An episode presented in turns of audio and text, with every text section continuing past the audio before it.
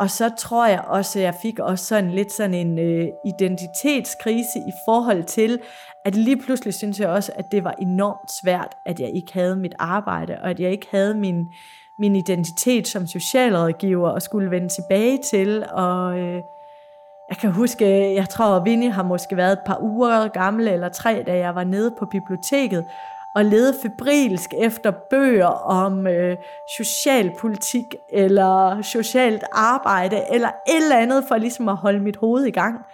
Og det, altså, det var fuldstændig håbløst foretagende. Jeg anede jo ikke, hvad jeg skulle tage ned fra hylderne. Jeg stod bare der og følte mig totalt fortabt.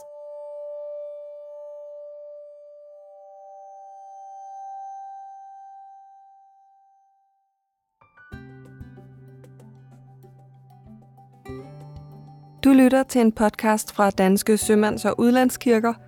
Det her er en historie om alle de omveje, som livet tager os på. Det er faktisk en hyldest til omvejene. For indimellem er det lige netop her, når man er længst væk fra den planlagte rute, at eventyret findes.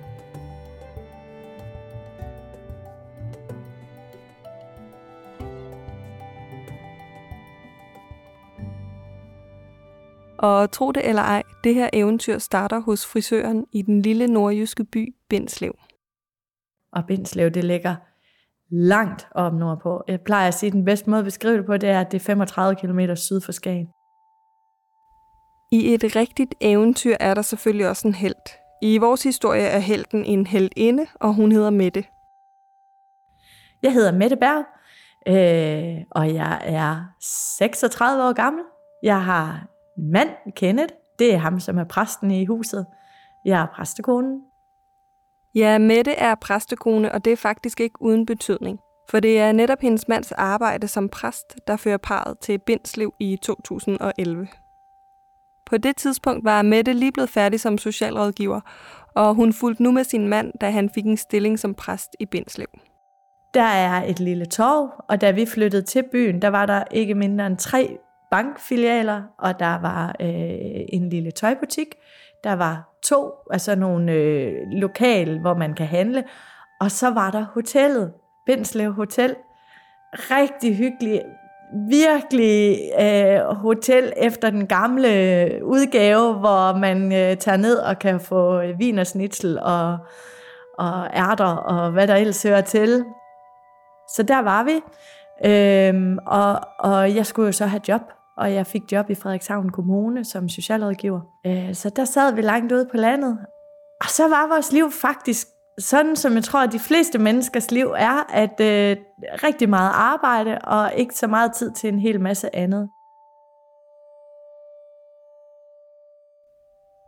Landsbylivet var nyt for dem begge to, og selvom Bindslev på mange måder var et dejligt sted at være for det unge par, der dengang var sidst i 20'erne, var der noget, der ulmede i Mette det var da jeg fik fast arbejde, altså da, da jeg gik fra at være vikar og til at få en fast stilling, der blev jeg sådan ramt lidt af sådan en øh, krise, hvor jeg sådan øh, kunne se mig selv som socialrådgiver de næste mange, mange, mange, mange, mange, mange år.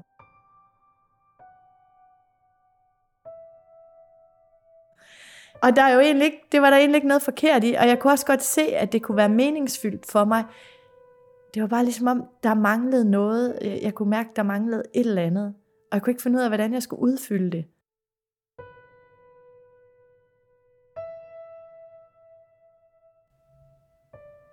Men det ændrer sig, da Mette en dag er hos frisøren. Og ja, det er nu eventyret for alvor starter. Og øh, vi snakkede, som man jo altid gør, og jeg lægger godt mærke til, at der spiller noget musik i baggrunden, som jeg egentlig synes er ganske udmærket musik. Men jeg, jeg, jeg, jeg tænker ikke videre over det. Hun er ved at klippe mit hår. Men dengang, der fik jeg farvet øjenvipper.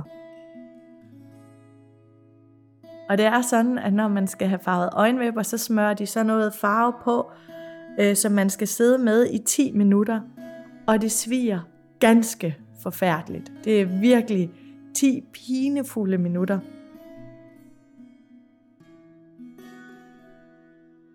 Og da hun har smurt det på min øjenvipper, så siger hun, nu går jeg lige, men jeg, skal, jeg kommer selvfølgelig tilbage, øh, når de 10 minutter er gået. Og så sad jeg der i hendes frisørstol, Og så hørte jeg den her mand synge øh, med den dybeste smerte, jeg tror, jeg har hørt i mit liv. Og det ramte mig simpelthen så dybt, og, og jeg havde måske også lidt været på udkig. Jeg tror måske, man, man har måske nogle perioder, eller det har jeg i hvert fald haft i mit liv, hvor, hvor jeg har været lidt på udkig efter inspirationen. Og, og det var jeg nok, og det ramte mig virkelig dybt. Så da hun kom tilbage, så var jeg jo nødt til at spørge, hvad hulen det var for noget musik, jeg lyttede til. Øh, og så siger hun, jamen det er, det er James Blunt, og det, altså det kunne jeg næsten ikke bære, når nu jeg er sådan en, der ikke kan lide James Blunt. Men det ramte mig. Ja, den britiske sanger James Blunt og hans ballade gik altså direkte i hjertekuglen på Mette. Og her gav tonerne af hans musik liv til en spirende idé i hendes hoved. For øh, ganske vist var Mettes eget liv begrænset til den nordjyske provins med vin og snitsel på hotellet. Men hendes fantasi, den var fri. Og derfor satte hun sig nu til tasterne og begyndte at skrive på en bog. Måske skal jeg lige tilføje, at det ikke var første gang Mette kastede sig ud i sådan et bogprojekt. I sin studietid var hun flere gange begyndt at skrive, men ingen af bøgerne var noget videre end de første kapitler. Men nu skulle det være. Så Mette begyndte at forme historien. En krimi om en ung kvindelig hovedperson, som arbejder på et hotel i Nordjylland. Da en gæst på hotellet pludselig dør på mystisk vis, føres kvinden ud i verden, blandt andet til Toronto i Canada. Og hvorfor lige der, tænker du måske? Jo, for i historien følger kvinden i hælene på et rockband, og derfor hentede Mette endnu en gang inspiration fra James Blunt. For at finde ud af, hvor hurtigt turnerende musikere rejser fra sted til sted, gik hun nemlig på nettet og fandt hans turplan. Og her sprang især en by i øjnene. Toronto. Og så da jeg så, at der også var i Toronto, så tænkte jeg, yes, jeg har altid haft et eller andet for Toronto fra jeg var 8 eller sådan noget, der optog ulve og Kanadas vilde natur mig enormt meget.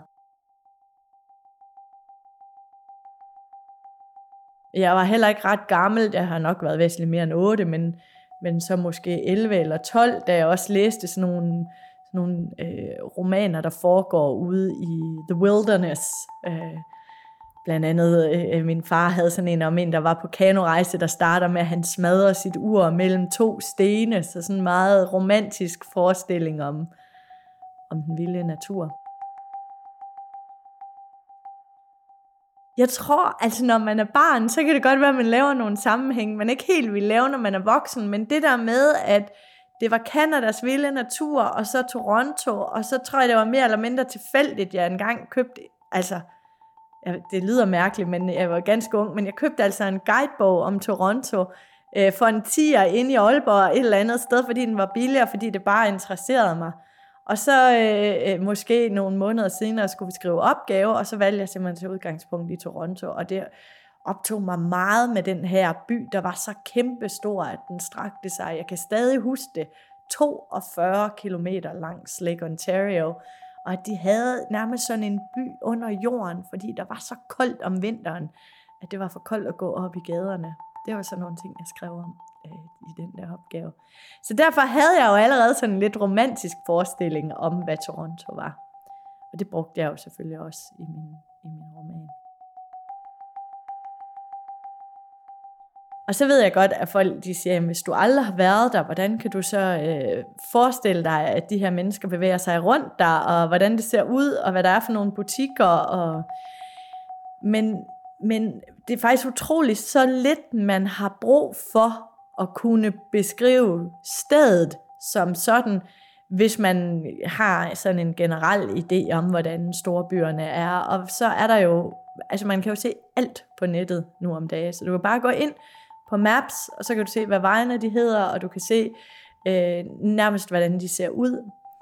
Øh, så det var egentlig sådan, jeg havde gjort i første omgang. Jeg havde bare researchet, som man ville, ville sige, og fundet ud af en masse om Toronto. Med hovedet langt nede i computeren og i Google Maps var Mettes liv i Benslev pludselig blevet mere spændende. Månederne gik, og bogen nærmede sig sin ende. Men som det jo er med livet, så spiller det os ind imellem et pus. I december 2012 opdagede Kenneth, Mettes mand, ved et tilfælde, at der var en ledig stilling som præst i den danske kirke, i Toronto. Og jeg var også sådan, Kenneth, 17, jeg har brug for research. så kan jeg komme over og se, hvordan alle de her gader rent faktisk ser ud. Som sagt så gjort, og til parets store overraskelse blev Kenneth, som jo stadig var en forholdsvis uerfaren præst, kaldt til samtale. I første omgang i København, og her tog Mette med ham. Hun havde nemlig sit eget lille ærne i byen. Kort forinden havde hun sat det sidste punktum i sin krimi, og nu afleverede hun bogen hos et forlag her i hovedstaden. Så jeg kan huske det der med at tage til København og aflevere en roman ved et forlag, og så samtidig skulle til jobsamtale til en stilling i Toronto. Det var, altså, det var meget surrealistisk.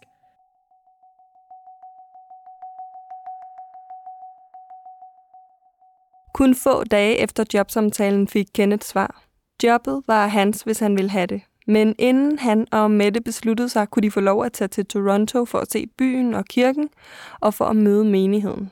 De takkede selvfølgelig ja, for stillingen var en femårig ansættelse, så det føltes rigtigt at tage over og lige se det hele, inden de takkede endeligt ja. På det her tidspunkt havde Mette aldrig fløjet så langt før, men det var det hele værd, for nu skulle hun opleve den by, hun havde drømt om, siden hun var 8 år gammel. Desværre ventede der en slem overraskelse, da hun og Kenneth endelig landede i Kanada. Altså, Kenneth han sagde, da vi søgte stillingen, da, da, og jeg snakkede om den store, vilde natur og alle bjergene, og Kenneth han siger, altså, der er altså ikke nogen bjerge i nærheden af Toronto. Jeg er sådan lidt, åh, hold nu op, Kenneth. Selvfølgelig er der bjerge. Det er Kanada. Ikke også? Og der er også bjerge i Kanada, men de ligger 5.000 km længere mod vest. Øh, så Kenneth fik ret, der var ingen bjerge. Øh, når man hører, at en by den strækker sig 42 km langs Lake Ontario, så ved jeg ikke, altså, så havde jeg nok, jeg havde, jeg, i, min, i min romantiske fantasi havde jeg ikke forestillet mig det her med, at øh, størstedelen af det, det er otsporet motorvej og kæmpe Øh, store betonbyggerier. Så det var jo blandt andet en af de ting, der var fuldstændig overraskede mig. Og jeg kan huske, at vi skulle ned og se byen, og jeg blev ligesom ved med sådan at kigge efter, men altså, nu viser du os den her gade, men hvor er, altså, hvor er centrum? Altså, hvor er, hvor er gågaderne? Hvor er de store pladser? Hvor er de gamle kirker? Hvor er caféerne? Øh, med, med stole ude foran, og, og det eksisterer bare ikke. Og øh, det blev ikke meget bedre, da Mette og Kenneth nåede hen til den danske kirke. Den lignede nemlig til forveksling en lille, klassisk dansk landsbykirke. Og menigheden? Øh, ældre mennesker, de her alle sammen, øh, i hvert fald langt de fleste af dem, nogen som var emigreret tilbage i 50'erne og 60'erne og 70'erne, og så stoppede emigrationen. Øh, og, og det var dem, det er kirken. Det er den danske kirke i Toronto. Det er de mennesker, som rejste over den gang, og som havde rigtig meget brug for øh, både socialt sammenhold, og øh, som havde brug for et sted, hvor man kunne, øh, hvis man manglede arbejde og bolig, og hvad man ellers kunne, det, det blev kirkens samlingspunkt for. Ja, engang var Danmark et udvandrerland, og mange rejste til blandt andet Kanada i jagten på et bedre liv. I dag består de danske menigheder i landet derfor af anden, tredje og fjerde generations danskere og deres dansk-kanadiske efterkommere, som gennem kirken altså opretholder forbindelsen til deres fælles kulturarv og til den danske kirketradition. Og det var altså ikke helt så eksotisk, som Mette havde drømt om. Så i løbet af få timer var luften ligesom gået af ballonen, og eventyret var pludselig, ja, lidt mindre eventyrligt. Jeg kan huske, at jeg sagde til Kenneth, er du sikker på, at vi har lyst til at rykke alt op med rode og rejse 6.000 kilometer for at få en menighed, der til forveksling ligner det, vi kommer fra. Et liv, tænkte jeg næsten. Men altså, at kirken mindede så meget om en, om en dansk kirke, det var jeg altså meget uforberedt på.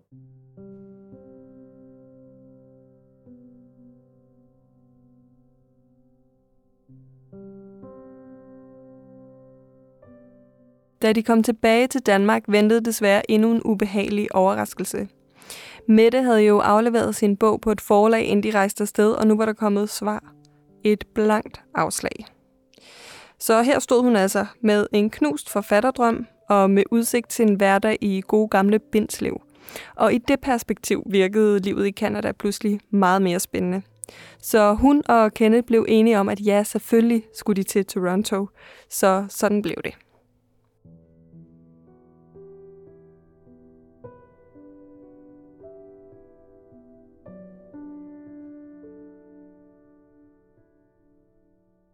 Et halvt år efter i sommeren 2012 fløj de tilbage til Kanada. Med sig havde Mette sin bog, for den ville hun skrive om og skrive færdig derovre. Men det var lettere sagt end gjort.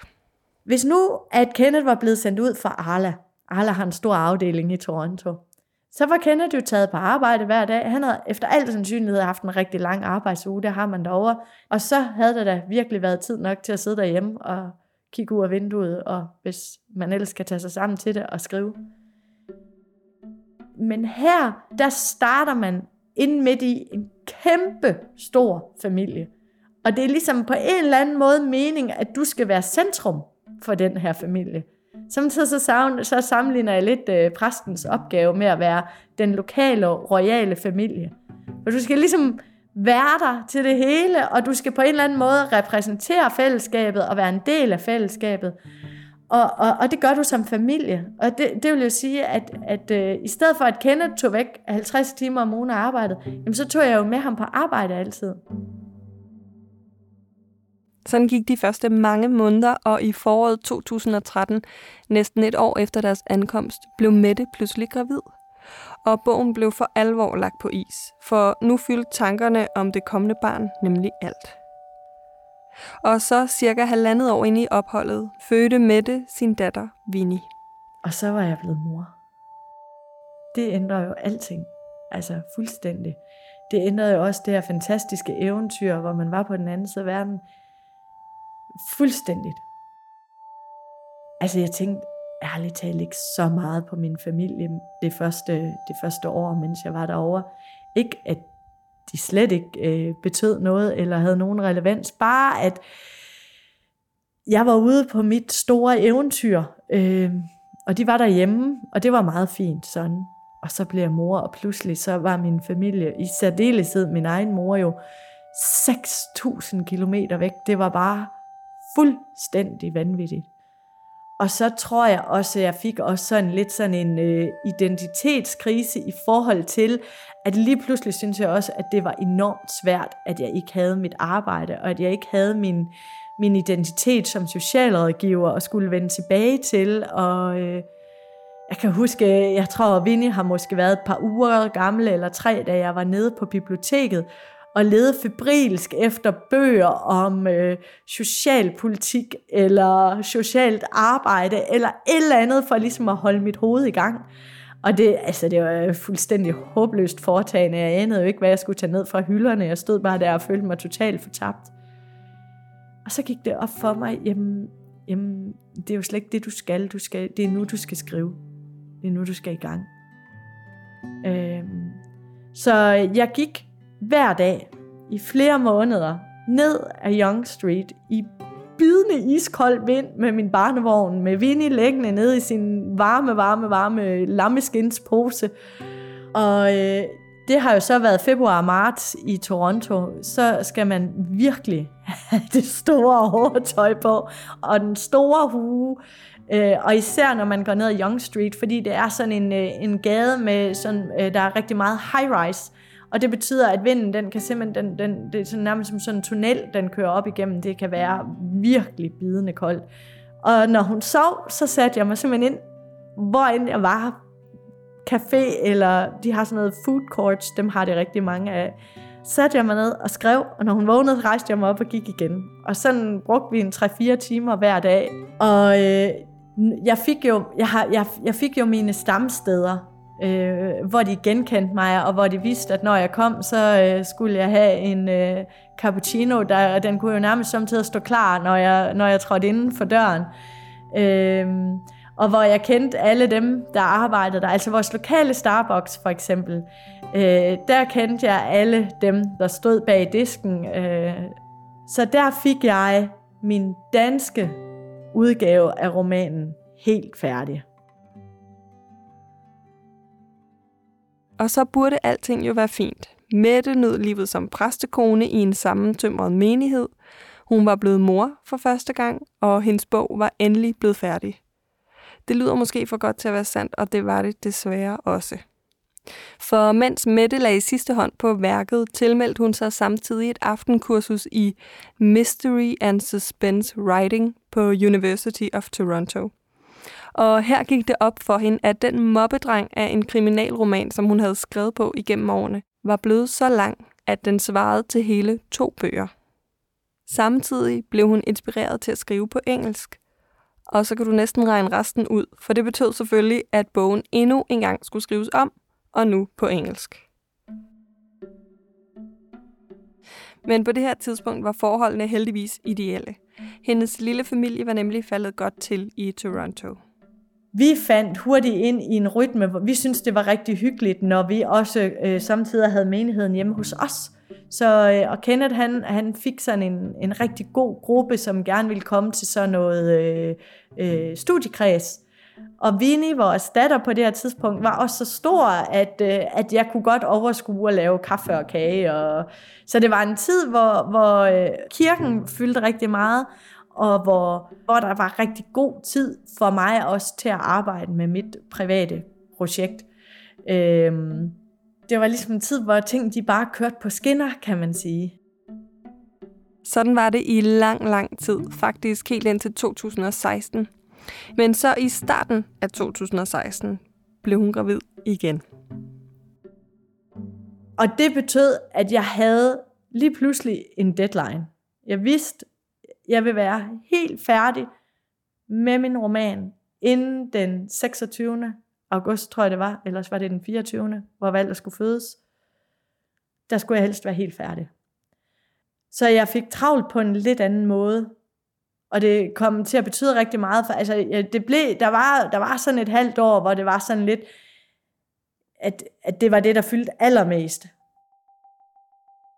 Og Mette er altså ikke typen, der giver slip på sådan et projekt før aller, aller sidste deadline, så da hendes søn Walter pludselig kom til verden 14 dage før tid, var bogen selvfølgelig ikke færdig. Så først i efteråret mellem amning og blæskift fik Mette sat det sidste punktum, og en fredag i september sendte hun bogen videre til en lokal agent. Kun få timer efter kom der en mailretur. Wow, you seriously got me hooked, skriver hun. Og så øh, øh, siger hun, øh, hun skal nok forsøge at få læst så meget, som hun kan i løbet af weekenden. Og så ringer hun mandag, og jeg kan høre, øh, lige da jeg tager telefonen, at den der entusiasme, som hun havde om fredagen, den er væk. Og det, altså, det var næsten ikke til at være. og så siger hun, at øh, du skriver helt fantastisk, og øh, du har sådan en helt særegen europæisk stil, som, som man ikke finder andre steder, øh, men du har en soggy middle. Altså, det var virkelig et blow, kan jeg godt sige der Det var bare... Det var ligesom, øh, det var den her nye verden, hvor jeg skulle skrive min roman om igen. Det havde jeg jo gjort mange gange.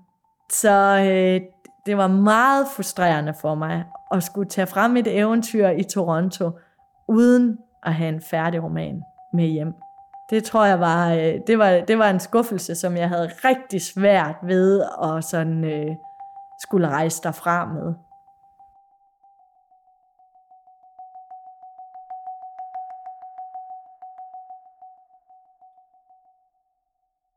Men sådan blev det.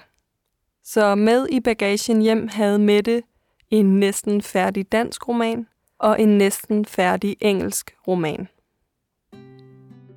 Hun, Kenneth og de to børn bor nu på en præstegård i Østerhornum syd for Aalborg. Byen er ikke særlig stor, og kirken ligner en helt almindelig dansk landsbykirke, men her i præstegården har Mette igen fundet skrivegejsten. Men modsat tidligere har hun ikke så travlt med at nå til enden. Jeg tror, jeg havde været som, sådan som de fleste mennesker er, at vi fylder vores liv op med, med uddannelse og børn og, og ting og et pænt hjem. Og, øh, og, og, og i Toronto, der lærte jeg en helt ny dimension af mig selv at kende. Det der med, at, at så længe jeg sad med min tekst og mine personer, midt i den her pulserende store by, jamen så var alt det andet, det var faktisk slet ikke så vigtigt. Det, der er vigtigt, det er, at man kan holde sig selv ved projektet. Og det vidste jeg ikke. Det vidste jeg ikke, før jeg, jeg havde været i Toronto.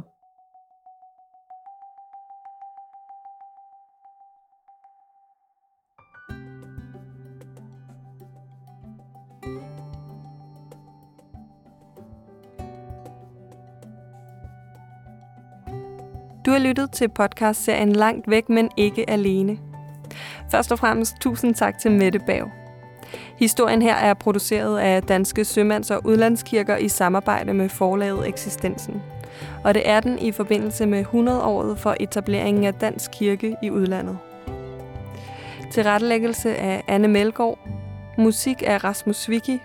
Produktionsassistent Steffen Ryl Støjtel. Og klip og mix af Peter Ørbæk og mig – mit navn er Marie Enevoldsen. Hvis du kunne lide, hvad du hørte, kan du finde flere historier om de danske kirker i udlandet på iTunes eller i din foretrukne podcast-app. Du skal bare skrive eksistensen i dit søgefelt.